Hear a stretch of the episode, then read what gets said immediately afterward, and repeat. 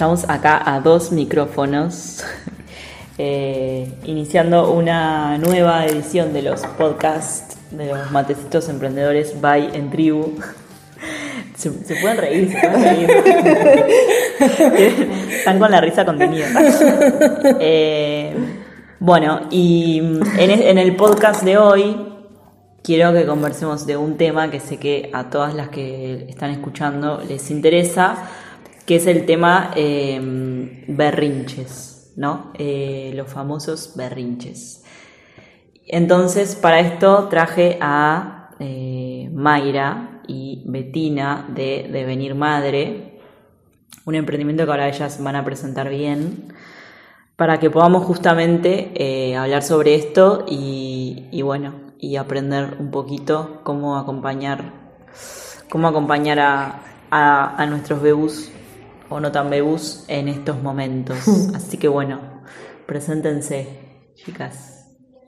Eh, bueno, somos, o me presento yo, yo soy Mayra, em, mamá de dos, eh, bueno, y este, terapeuta, acompaño procesos de indagación personal, bueno, formo parte de, de Venir Madre y mm, nos dedicamos a acompañar eh, todo el proceso de, maternidad, desde el embarazo hasta el puerperio, donde hacemos especial hincapié en ese periodo tan importante y tan poco nombrado en todo su, su este, toda su especificidad, acompañando a las mujeres especialmente en, en esta etapa. Betty. Bueno, yo soy Betina, soy mamá de dos niños eh, adultos. Adultos.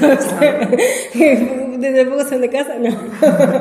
que tienen 10 y 7 años. Y mm, soy psicóloga y me recibí de psicóloga antes de, de, ser mamá, lo cual no es un dato menor porque los últimos años de la carrera me fui como especializando en lo que es psicología laboral, formación para adultos y capacitación y trabajé más de 10 años en eso hasta que fui madre.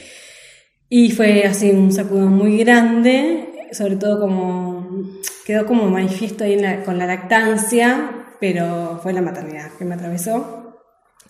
Y desde ahí, como siempre fui muy curiosa, me puse como a investigar sobre las dificultades que yo estaba viviendo y desde ahí a leer, a leer y, y, y buscar espacios para, para, tener como contención, que hace 10 años, casi 11 años no, no había mucho. Entonces seguí yendo como por dos años al taller de apoyo de lactancia, aunque no tuviera dificultades. Pero sí en esto de compartir con otras y, y como compartir mi propia historia, que fue como difícil, pero como un suspiro, digo yo, porque en la historia de vida de Bruno fue un chispacito, pero fue como tan intenso que quedó muy marcado. Y eso, ir, ir y contarle a otras cómo había atravesado. Y bueno, y ahí desde un primer momento más como madre, madre a madre acompañar y compartir y un poco desde este lugar de si yo pude todas pueden porque está eh, eso que te genera el parto eso que te genera el, empoderamiento. Y el parto también desde la militancia estuve pila de tiempo también este en un momento estuvo como bastante complicado el panorama cuando yo nada, como que me sentía muy afín con parteras que, que trabajan con partos en casa y, de hecho, bueno, ahora, trabajo con ellas. Y bueno, estuvo como convulsionado en, Uruguay, entonces hubo como un surgimiento de, un lugar más de, de militancia, si se quiere, este, pero esto, de contagiar a otras. Y lo que fue pasando fue que me fui viendo desde el rol más profesional, después ya cuando nació mi segundo hijo, fue como el segundo puerperio como muy intenso y ahí se abrió como el camino de que esto es lo que yo quiero. Lo fui haciendo en paralelo como dos años y ahí tuve como una crisis grande profesional, este, hasta que cuando Pedro el más chico tenía dos años, tenía un año y medio y me llevó un tiempo, ¿no? Tomar la decisión y sobre todo trabajarla internamente conmigo misma, digamos. Pero ahí lo fui haciendo en paralelo, pero en un momento cuando tenía dos años y medio lo que hice fue dejar esa estructura que tanto me había sostenido y donde yo me había identificado mucho porque me sentía muy cómoda trabajando como desde ese lugar, sintiendo que ya eso no tenía nada, nada, más que ver conmigo. Y las vueltas de la vida lo que, lo que hacen, esto lo digo ahora, después de cinco años, que me di cuenta en el medio, no, no ahora, de cómo todo eso estaba en mí y lo podía poner al servicio de este otro proyecto, sobre todo porque me, como que me formé mucho en lo que es cómo aprenden los adultos y cómo hacer capacitación. Entonces ahora, este, además de mi rol docente, que doy clases como desde, desde, desde algunos diplomas de lactancia y de primera infancia, pero a su vez en esto de, por ejemplo, cuando armamos un producto, un grupo, bueno, qué cosas tiene que tener. Y, entonces no era tan, esto no tiene nada que ver conmigo. Claro, claro, Colgué el trajecito, pero lo otro quedó por dentro. Todo quedó integrado. Este, y bueno, como decía, como decía Mayra, lo que hacemos desde Venir Madre es esto de acompañar sobre todo mujeres, fue una decisión que tomamos en un momento, familias, pero bueno, pues principalmente como, como hablar desde nuestro lugar de mujeres a las mujeres en cualquier etapa de la maternidad, si bien tenemos como un fuerte en el puerperio, también, bueno, a, medida que crecen los, los niños nuestros, jorobábamos antes de empezar de qué íbamos a hacer para adolescentes en cualquier momento, pero, pero un poco por ahí. Perfecto, genial. Bueno, vayamos al grano. Dale. ¿Cómo sobrevivimos a los berrinches y qué son? ¿Cómo acompañarlos sin que nos encierren en un psiquiátrico ni, lastimar a nadie en el medio? ni perder la, la, cordura. Habría que ver primero qué es un berrinche, ¿no? Y quiénes tienen berrinches también, porque los niños tienen berrinches, pero los adultos también tenemos berrinches que es una desregulación, o sea, en, definitiva una, sea, una, mm, un malestar expresado a través de, del cuerpo, ¿no? O sea, una reacción de, malestar, de, un desequilibrio que está sucediendo, que de pronto no fue detectado en, en su momento y que el niño expresa la frustración a través de, de una reacción corporal. ¿Qué implica eso? Gritos, pegar, pataleta en el piso. Por supuesto que no es solo estando solas en, nuestra casa, sino que pasa en cualquier lado, ¿no? En el supermercado, en la casa de la suegra. Cuando vamos al consultorio, este, o que estamos armando, sobre todo hablando de emprendedoras, que muchas veces este, estamos con con nuestros niños en la vuelta siempre es una variable dentro de la agenda. Este, bueno, y de pronto eh, puede suceder ahí también y decimos, trágame tierra. Pero básicamente es, es, eso, o sea, hay un malestar que se está expresando en, en una reacción eh, desmedida, o una acumulación de cortisol, por decirlo desde la vía fisiológica, de la biología, que no fue liberada y que tiene que ser liberada porque nuestro organismo eh, utiliza el cortisol, que es una hormona del estrés, la adrenalina, para determinados momentos de, de, supervivencia, digamos, pero tiene que salir del cuerpo y la manera de sacarla siempre es física. Es la manera de, eliminarla. Entonces, en realidad tiene una función que es reguladora, la liberación de ese estrés que se generó.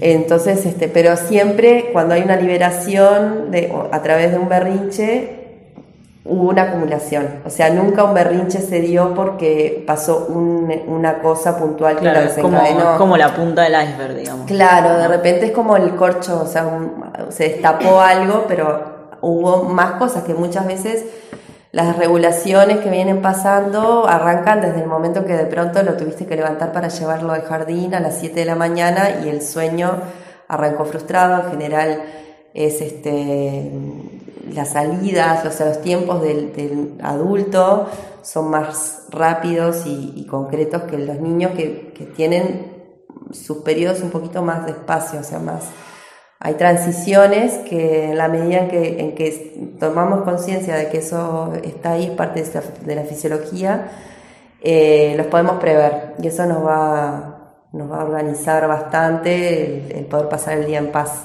no, eso que, que decía así de Mayra de la acumulación, porque muchas veces son muy sutiles los pedidos que hacen los niños y no los, no los percibimos, ¿no? Entonces parece como la foto última del berrinche o el, la desregulación, el llanto, el grito, pero de repente eso, como que nos comimos, que en el medio pasaron un montón de cosas, de esperas, ¿no?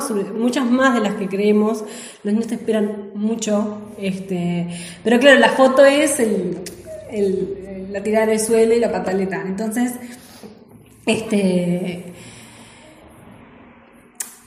¿Cómo podemos hacer para poder ver como la composición entera y no solo como la, como la última foto. Porque además, ¿qué pasa? Cuando a ellos les pasa eso, a nosotros también se nos activan todos los automáticos que tenemos, ¿no?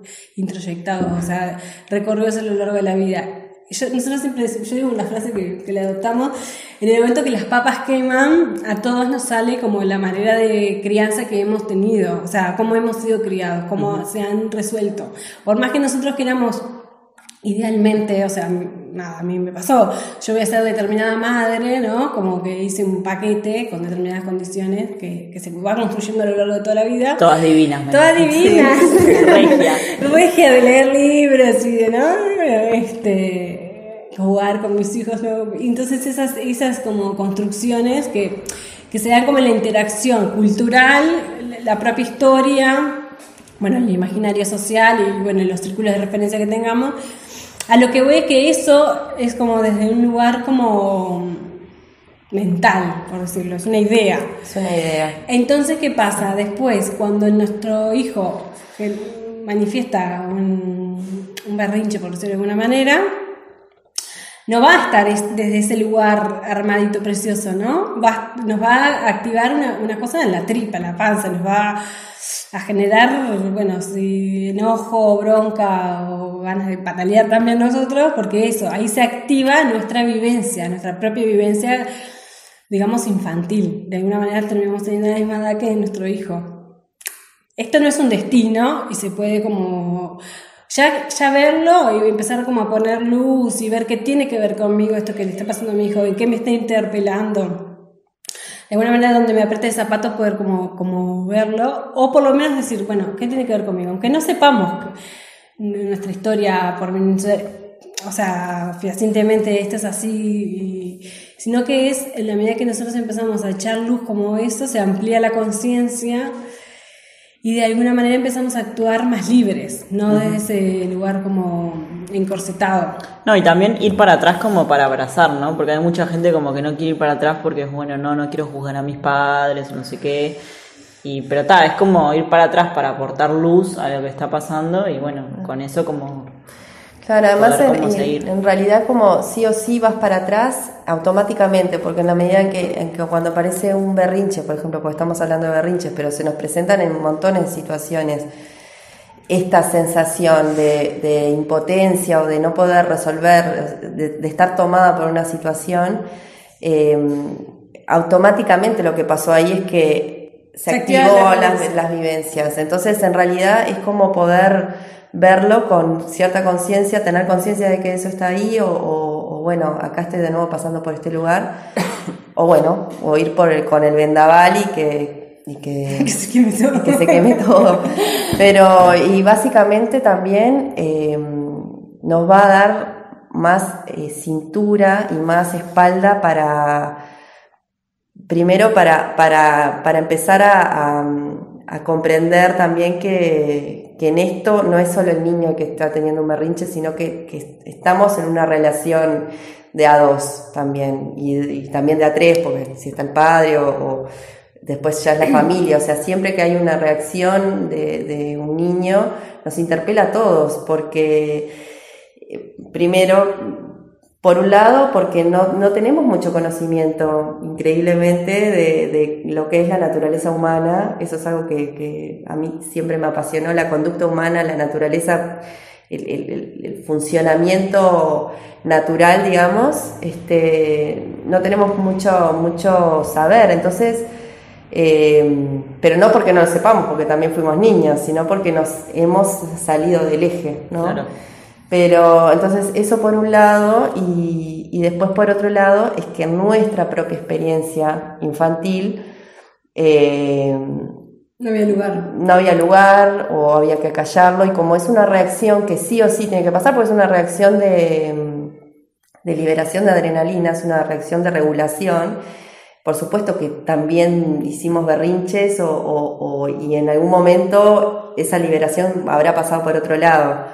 Pero, pero bueno, no tener como el entrenamiento durante nuestra infancia de, bueno, de ir llevando el, este, esa liberación de una manera con, con, este, con un entorno que no se asuste eh, o, que, o que sepa que de pronto este, eh, para un, voy a dar un, ejemplo, pero para un recién nacido hace 50 años, y esto es un dato de Michelle Oden, eh, había muchas intervenciones que se hacían sin anestesia, intervenciones que hoy no se nos ocurre que, que, se hacen a un recién nacido sin anestesia.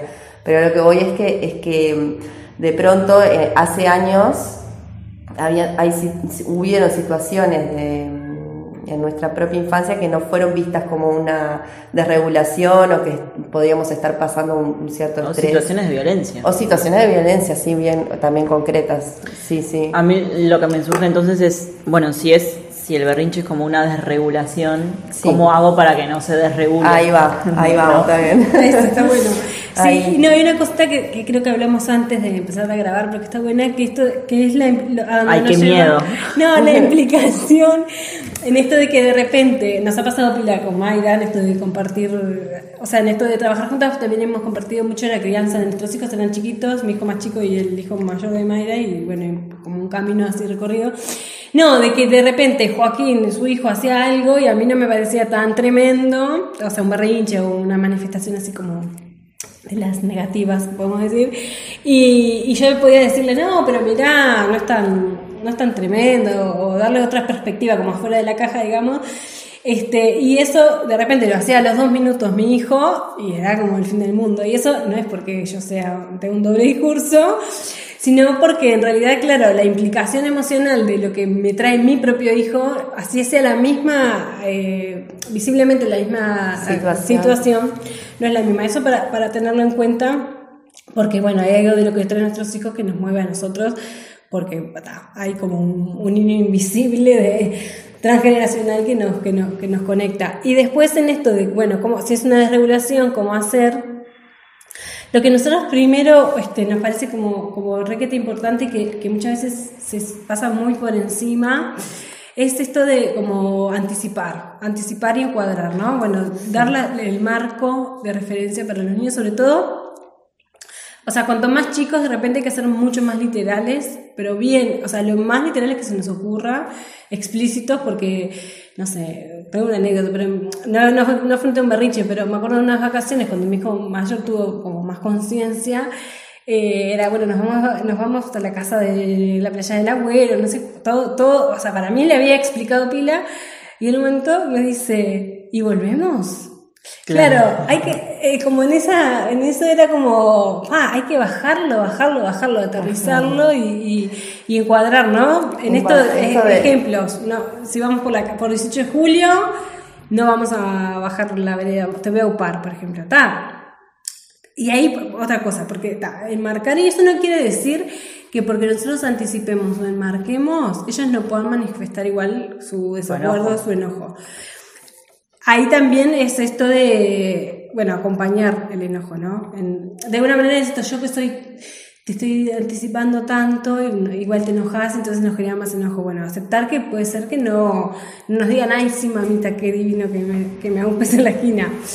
Pero es que sí es verdad que cuanto más nosotros podemos aclarar como el panorama, encuadrarlo, genera como eso, anticipación. No digo días, ¿sí? Situaciones como día a día concreto o vamos a hacer tal cosa, también poder decirles las acciones que vamos a hacer sobre ellos mismos, sobre el cuerpo, ¿no? Eso, es, eso es un, sí, eso es una gran, gran, gran herramienta. Incluso el momento, hay, hay momentos en el que esto se puede cultivar, porque de pronto dices, sí, yo le anticipo, pero ¿cómo? Porque de pronto no tenés el ejercicio de, de lo que es anticipar y, los niños están viviendo el momento presente. Entonces, si vos le decís, dentro de dos días vamos a ir a la casa de la abuela, dentro de dos días, me da gracia porque, eh, por ejemplo, mi hijo Joaquín, había momentos que me decía, la semana pasada, cuando tenía cuatro años, yo tenía cinco hace como meses,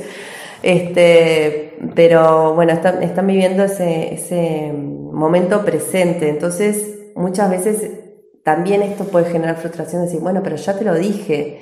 Sí, pero hay que volver porque ellos todavía no están en el tren del, del tiempo, la, la organización del tiempo y el espacio lleva un tiempo largo, lleva la primera infancia seguro, la organización de, de, de, lo que es el tiempo. Entonces, este, ir anticipándole lo que, lo que se va a hacer en el día, lo que ahora después, en cosas también que puedan ser dentro de su experiencia, después de comer, en este, cuando yo llegue, vamos a hacer esto, este, y, y cómo es, a mí me genera mucha frustración a veces el berrinche con las cosas cotidianas, porque... Eso, te quería decir, con el tema de los cuidados. Le, le, le, avisamos mucho, son cosas que se repiten, no sé, la lavada de dientes, la cambiada de pañal, o sea, son cosas que pasan varias veces en el día. Ahí está. Y cada vez en el día, aunque le avisemos, aunque todos, como... Mira, me das ahí el pie, porque justamente... Llanto. El momento de los cuidados es un momento donde no habría que poner como el, el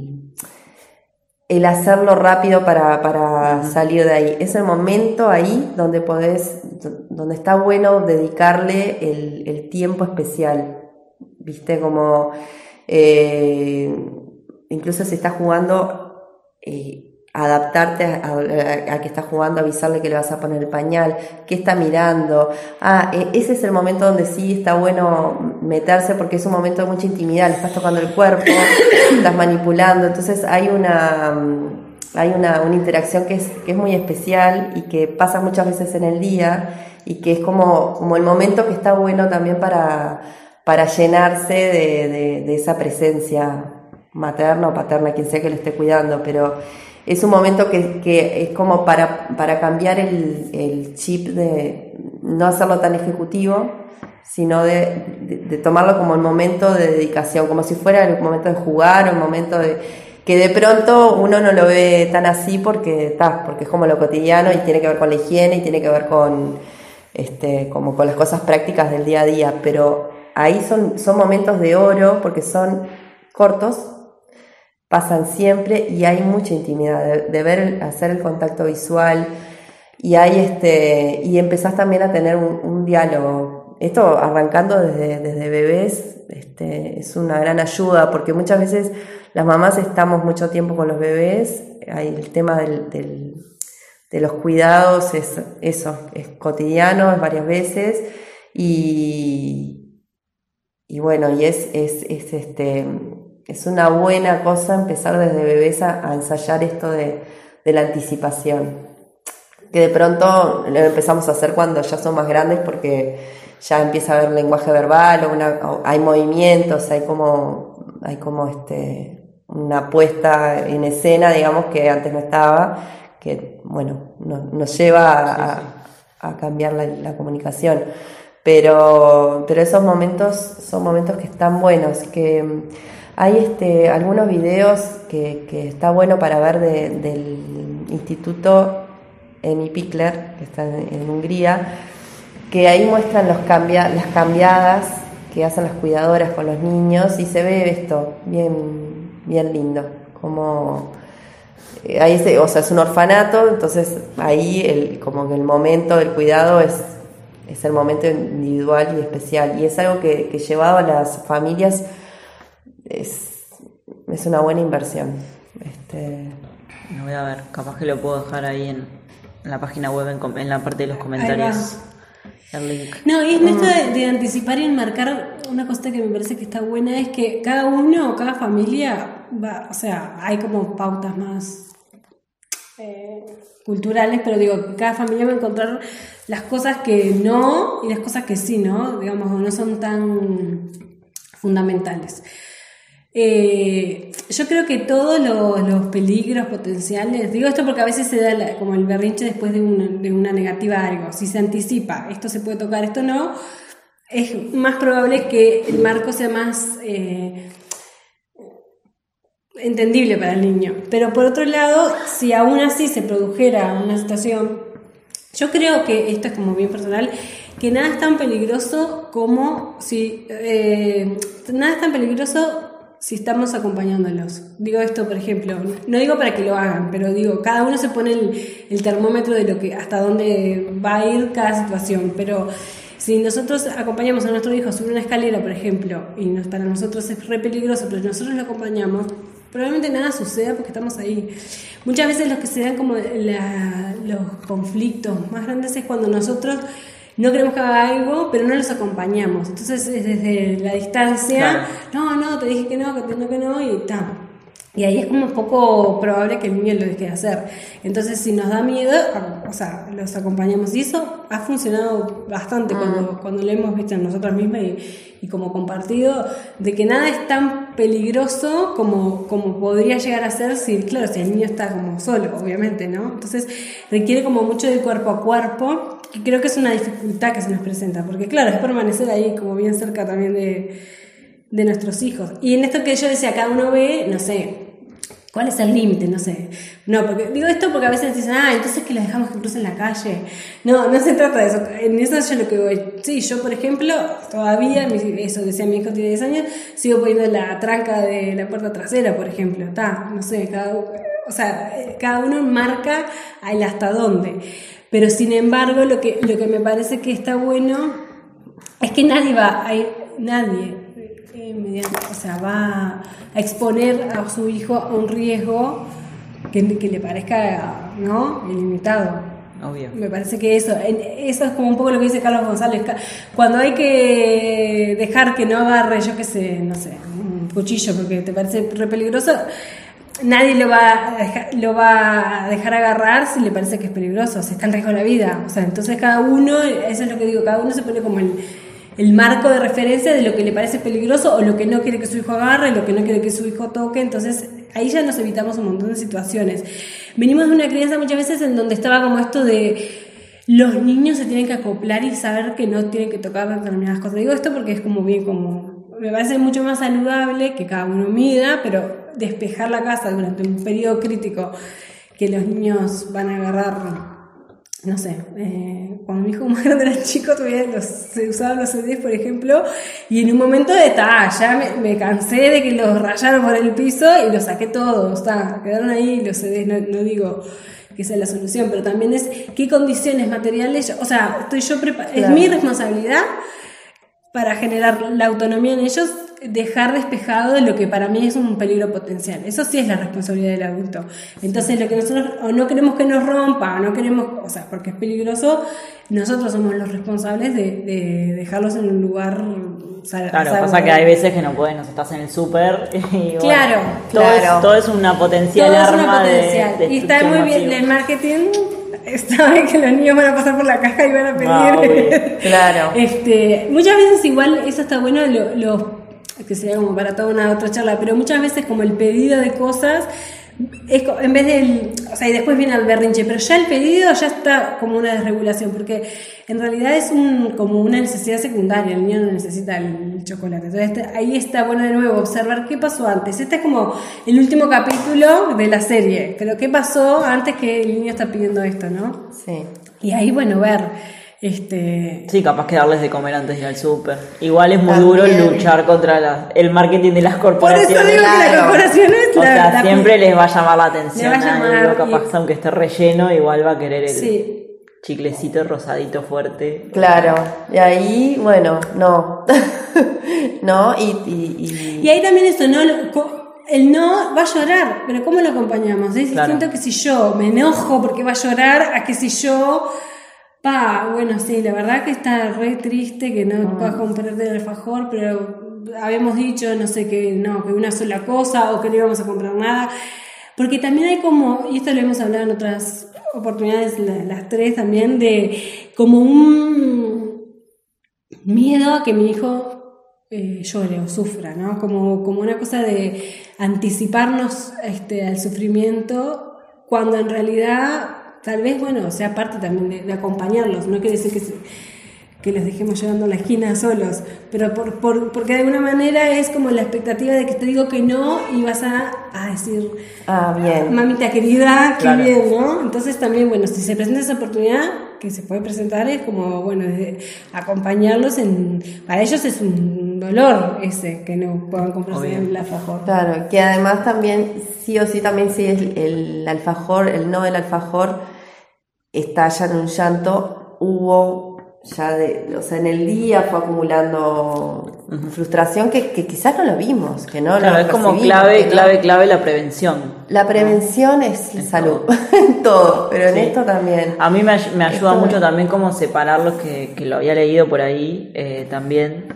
Eh, el tema este como de, de separar como los que son como caprichos desde el adulto, ¿no? De los que son como el capricho del niño, en el sentido, por ejemplo, no Sí. sé, hoy le quería poner una campera y era como, esta no, esta no, esta no. Bueno, al final cedí y le puse la otra porque me di cuenta que era un- como un capricho mío, la campera que bueno, yo bueno, le quería pero poner. esto que está pasando, que estás diciendo, requirió de una observación tuya. Claro. Y eso es un ejercicio al que se empieza a entrar y bueno, y es un ejercicio. Sí. Se empieza a hacer. Pero el berrinche de la plaza, por ejemplo, no vamos a la plaza y obviamente nunca se quiere ir. Y bueno, y hay una anticipación. Bueno, en 15 nos vamos, en 10 nos vamos, en un ratito, en un ratito nos vamos, nos vamos, nos vamos.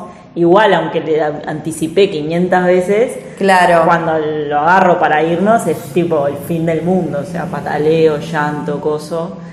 Y bueno, y Claro. pero no nos podemos quedar a vivir en la plaza. Claro, ¿qué eh, ahí Claro. es ver eso, está entre, sí o sí te tenés que ir, me di- como decís vos, ¿no? ¿Es la campera esta o es la otra, no? Me dice, sí o sí tenés que ir, sí, y si sí o sí te tenés que ir, bueno, es esto.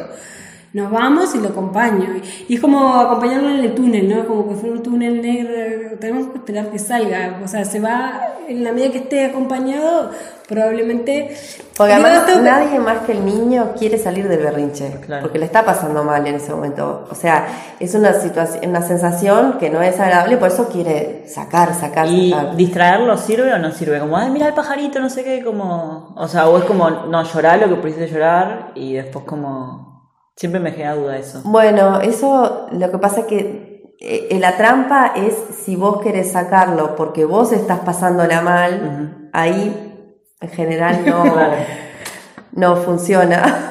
Sí, hay cosas porque es como, viste, pero de repente si vos estás viendo que eso, que eso también necesita como una- un, ejer- un ejercicio y también tiene que ver con nuestro propio día, si pasamos un día donde también tuvimos nuestras frustraciones, que, que, que también ya nuestra edad es más fácil eh, reprimirlas, entonces muchas veces eh, el estallido del niño, nosotros también estallamos ahí y liberamos nuestro...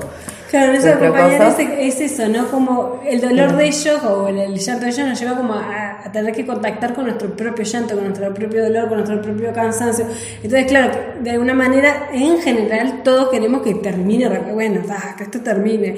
Y en esa en sensación como de, no de impaciencia, pero como de... Es como, no me abras mi propio dolor, porque está, yo ya lo había dejado como al costadito. Es eso lo que nos genera el querer sacarlos. Entonces hay que ver desde dónde lo queremos sacar de- con la distracción que como decías, ¿no?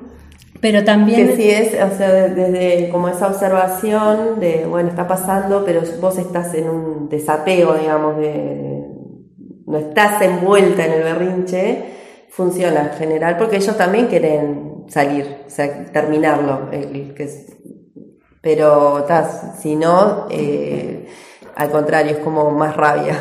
Tipo, y una cosa que, que está que estuvimos como, como hablando es que a veces también es como dar el marco, ¿no? Cuando hay hambre, cuando hay sueño, Sí. ta, que a veces no, no, no- no lo percibimos.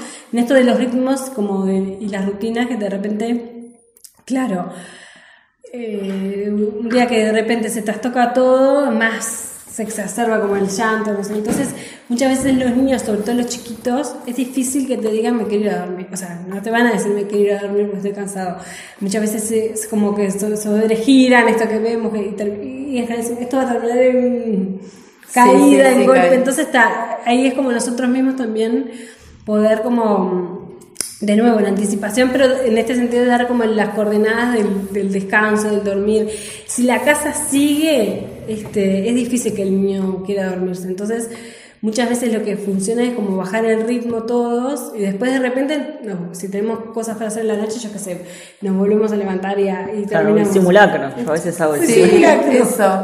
Se claro. apaga todo y bueno, nos Sí, vamos a dormir. Porque es difícil, y cuanto más grandes, más quieren estar en el meollo. Claro. acá, acá hay... No, claro, eso, porque también eso es una cosa que, que, que es como para tomarlo también en cuenta, de que ellos se recontra adaptan a nuestro ritmo. Ellos vienen con, tienen un ritmo que es el ritmo individual, que sí o sí implica juego, movimiento, em, bueno, eh, comer, dormir, o sea, tener Explorar. sus periodos de reposo, explorar, y todo esto también dentro de un marco de mm, acompañamiento. Y, o sea, ya, ya el, el- el que se estén adaptando a nuestras rutinas, ellos están haciendo un- una apuesta y, y acompañan un montón también.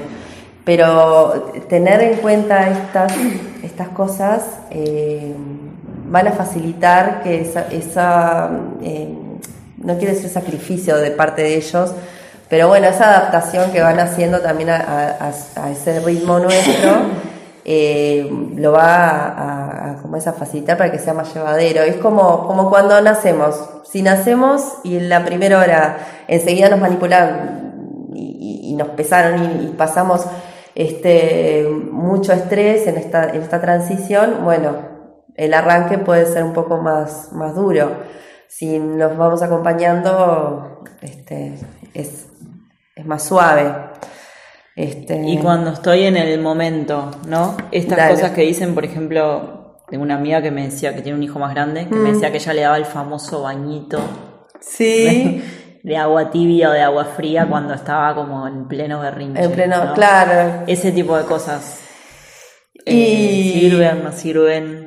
Sirve para calmar a la mamá, porque algo también, o sea, hay un, un movimiento, haces algo, vos también estás sa- sacando, liberando la adrenalina que te está provocando el- la reacción eh, de tu hijo. Este, pero algo que, que- que yo lo he usado mucho es salir a tomar aire.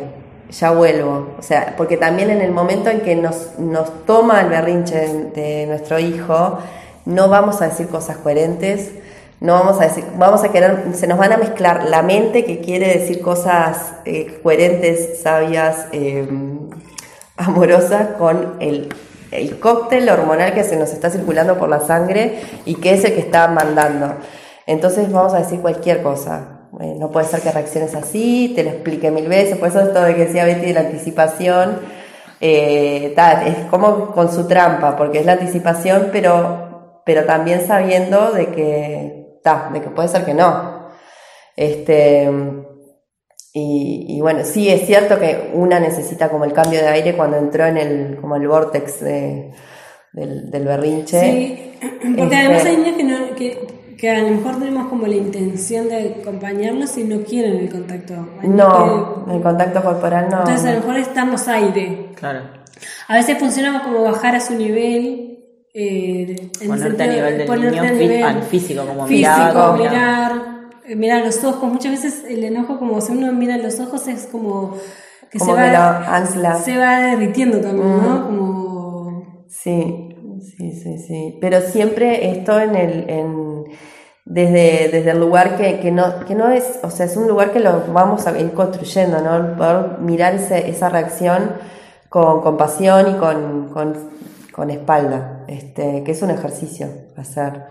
Este, y que mm, lo vamos a experienciar eh, eh, ese momento y, y- y es gratificante también porque vamos a poder ver desde nuestro lugar adulto algo que le está pasando a un niño que de pronto tiene dos años o cuatro, Porque esto de cinco, tomar distancia está bueno. pero después también nos vamos a volver a inundar en ese Claro. berrinche y tal- Ahora pensaba esto de tomar distancia una. está bueno porque muchas veces el como la, la, la vivencia que, que nos toma tanto, ¿no? No sé qué iba a decir, pero ahora me vino cuando, cuando mi hijo más grande era más, más chico, ¿no? Depende que tenía cinco años.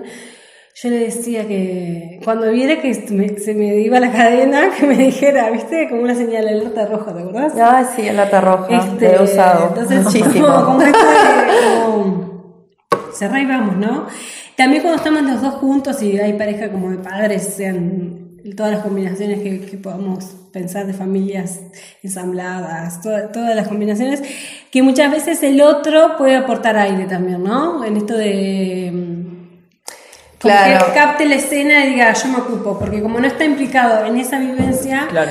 trae aire para, para descomprimir también un poco la, Sí, la situación. totalmente. Este, Sí, además eh, en general cuando también eh, nos toma el berrinche es cuando estamos solas, o sea, cuando, cuando nos... eh, Y, y que quedamos atrapadas. Tener a otra persona nos puede, puede ayudar ahí a, a- sí, y eso está a descomprimir. También que nosotros es algo que abogamos mucho y bregamos, y lo hacemos también día a día con, con- con nuestra propia maternidad. Porque yo creo que el estar como solas, más allá de la edad que tengan nuestros hijos, que, que, claro, no es lo mismo la vivencia que puede ser de, de un contacto pleno 24 horas que, que necesita un bebé, a bueno, un niño de 3, 4 años que de repente va y viene. Pero sí esto de generar como redes de apoyo, de sostén, que, que yo creo que es como como si fuera pasarla mejor, ¿no? No es que nos va a solucionar todo y que también no es tan fácil porque se, se juega un montón de nuestra propia nuestra propia como pasaje por la vida, de cómo hemos pedido este ayuda, cómo dejamos nada, que el otro nos sostenga, pero que sin duda cuando uno tiene como la espalda cubierta, estas situaciones también se presentan menos. Entonces tiene que ver esto de, de- de estar compartiendo la crianza, que bueno, por las configuraciones familiares que tenemos actualmente, en realidad vivimos como todos muy disgregados, ¿no? Entonces es la Muy- familia tipo con los hijos. muy ni- en solitario y- tenemos contacto con los vecinos. Este, eso ayuda. Entonces, si no tenemos nada, bueno, está ir a la plaza, que después a lo mejor se nos complica con la vuelta.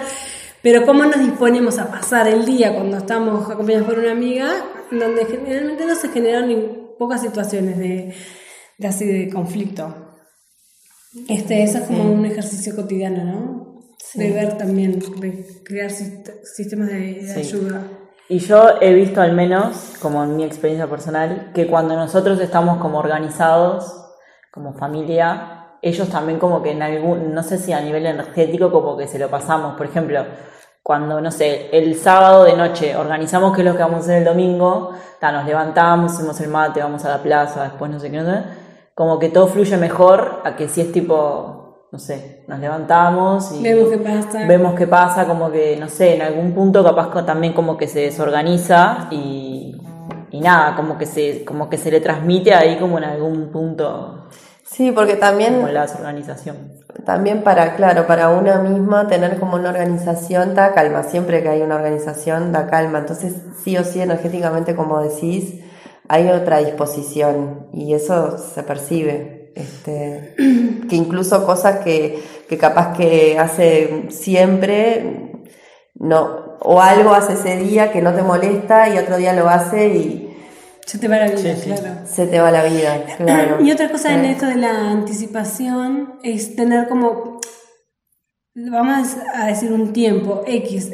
Esto también es algo que se tiene que ir cultivando, de plena presencia, ¿no? Sin, es como muy difícil y cada vez más el desafío de, bueno, estar sin, sin celular, sin, ¿no? Como en esto de disponernos a estar con ellos, así como absolutamente para ellos. Aunque sea 10 minutos al día, al principio, a lo mejor es lo que, lo que nos da, lo que podemos, porque a veces eh, en esto de, de llevarnos tan al presente y tan conectados consigo mismos los niños, claro, no- nos es difícil, ¿no? Esta sensación de que me abruma, me aburro, no sé qué hacer, si no miro el celular o no preparo la comida, pero bueno, ponernos como, como por lo menos, no sé, algunas veces por semana y ir subiendo como la apuesta de estar en plena presencia. En general, cuando uno está como en esa presencia, este, mi hijo más chico siempre me dice, ya me llené, Claro. ya me y cada vez a lo mejor es menos en el tiempo, ¿no? Como un bebé necesita 24 horas de absoluto contacto y después, entonces eso, pero, pero generando el espacio, porque no nos sale espontáneamente. Y digo, estar como en plena presencia, así como absolutamente Pleno. ahí pleno, ¿no? De pronto son 10 minutos, 15. Pero por eso yo te decía lo de los, los momentos de los cambios, de los cuidados, porque es un momento que sí o sí se da y que si, si, si se aprovecha, puede ser ese momento que capaz que después no tenés para, para estar ahí y, interesarte en, ese, interesarse en esos detalles que está haciendo, o lo que está mirando. Incluso un bebé, ah, te estás mirando para allá, veo que eh, preguntarle, te voy a, te molesta que, aunque el bebé va a mover porque está con reflejos todavía, pero empieza a haber una, una presencia que, que se empieza a, sí, validando. a sentir. Y también validando, ahora, ahora pensaba en esto de, de la, de como de, bueno, la anticipación del encuadre y la validación. Porque puede ser esto, que quiere igual el bonobón, el bombón que estaba en la góndola y no se lo. Entonces, poder poner. Hay niños que de repente no lo, no lo aceptan a priori, ¿no? Como que están desde lo físico como muy rígidos. Sí. Pero poner en palabras, veo que. Pero claro, ahí también nosotros tenemos que estar con otro temple de repente, ¿no? Porque Claro. a lo mejor al principio nos sale medio robotizado, pero poner en palabras, veo que para vos es importante este bombón, pero hoy no lo podemos comparar. Como diciendo, te entiendo, lo que te pasa, te, tenés razón de alguna manera, o es entendible, pero bueno, no podemos, ¿no? Que no es lo mismo, porque ahí el niño siente que su necesidad tiene como un lugar, aunque sea que no.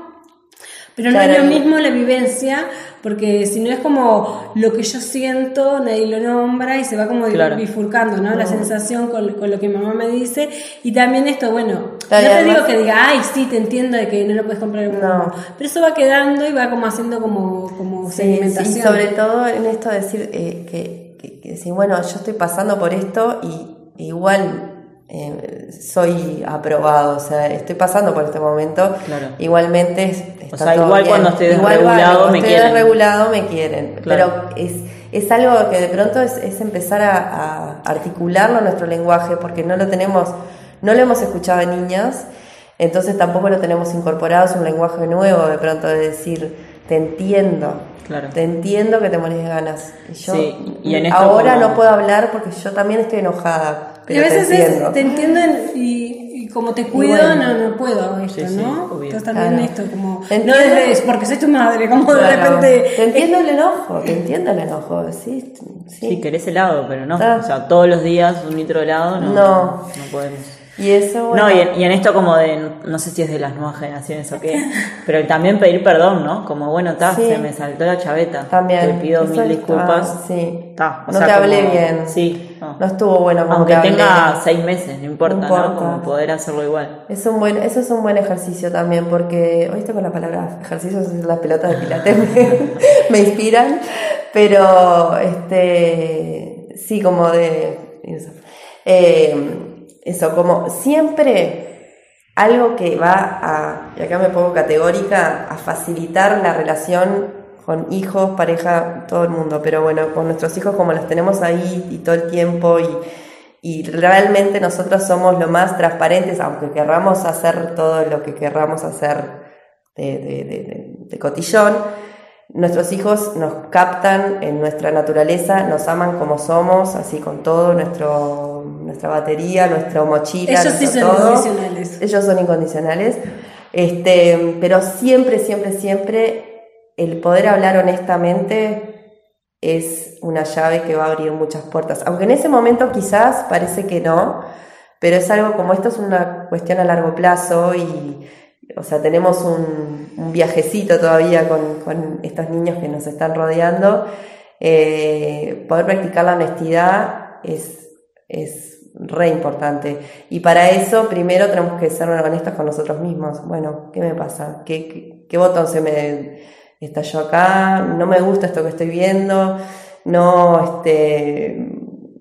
En este momento, la verdad que, que me iría corriendo, pero para poder hacer ahí también eh, dar lugar a, a- a esas vivencias que también ellas las tienen, Sí. por supuesto. Y también como desde la... Justo leí una frase que decía, lo que uno resiste, persiste, ¿no? También cuando, aunque esa versión tan terrorífica de nosotras mismas que vivimos actuando cuando pasan estas situaciones no nos guste, bueno, también poder vernos con amorosidad y compasión de que, bueno, hoy fue lo que pudimos hacer. Porque cuando uno acepta que también somos esa madre, Claro. también se va construyendo otra madre, ¿no? Y vamos como este, no sé, recorriendo el camino hacia, hacia, hacia lo que queremos, pero cuando es desde la lucha de esto no me gusta y lo, y lo resisto, en general se presenta de nuevo y se presenta de nuevo. Entonces, también, bueno, ahora en este tiempo me está saliendo así y, ta, y lo integro Bien. y ta, soy también compasiva conmigo misma, ¿no? Que creo que nos falta bastante de eso. Genial. Bueno, creo que nos vamos con muchos deberes y cosas a, cosas a pensar yo y seguro que todas las mamás que nos están escuchando también. Así que bueno, muchas gracias Betty y Mayra. Bueno, por gracias a vos, Flor. este- gracias. por Flor en Tribu, por este rato y bueno, nos veremos capaz en próximos podcasts con otros Divino. Con otros temas. temas. Gracias. Gracias. Gracias.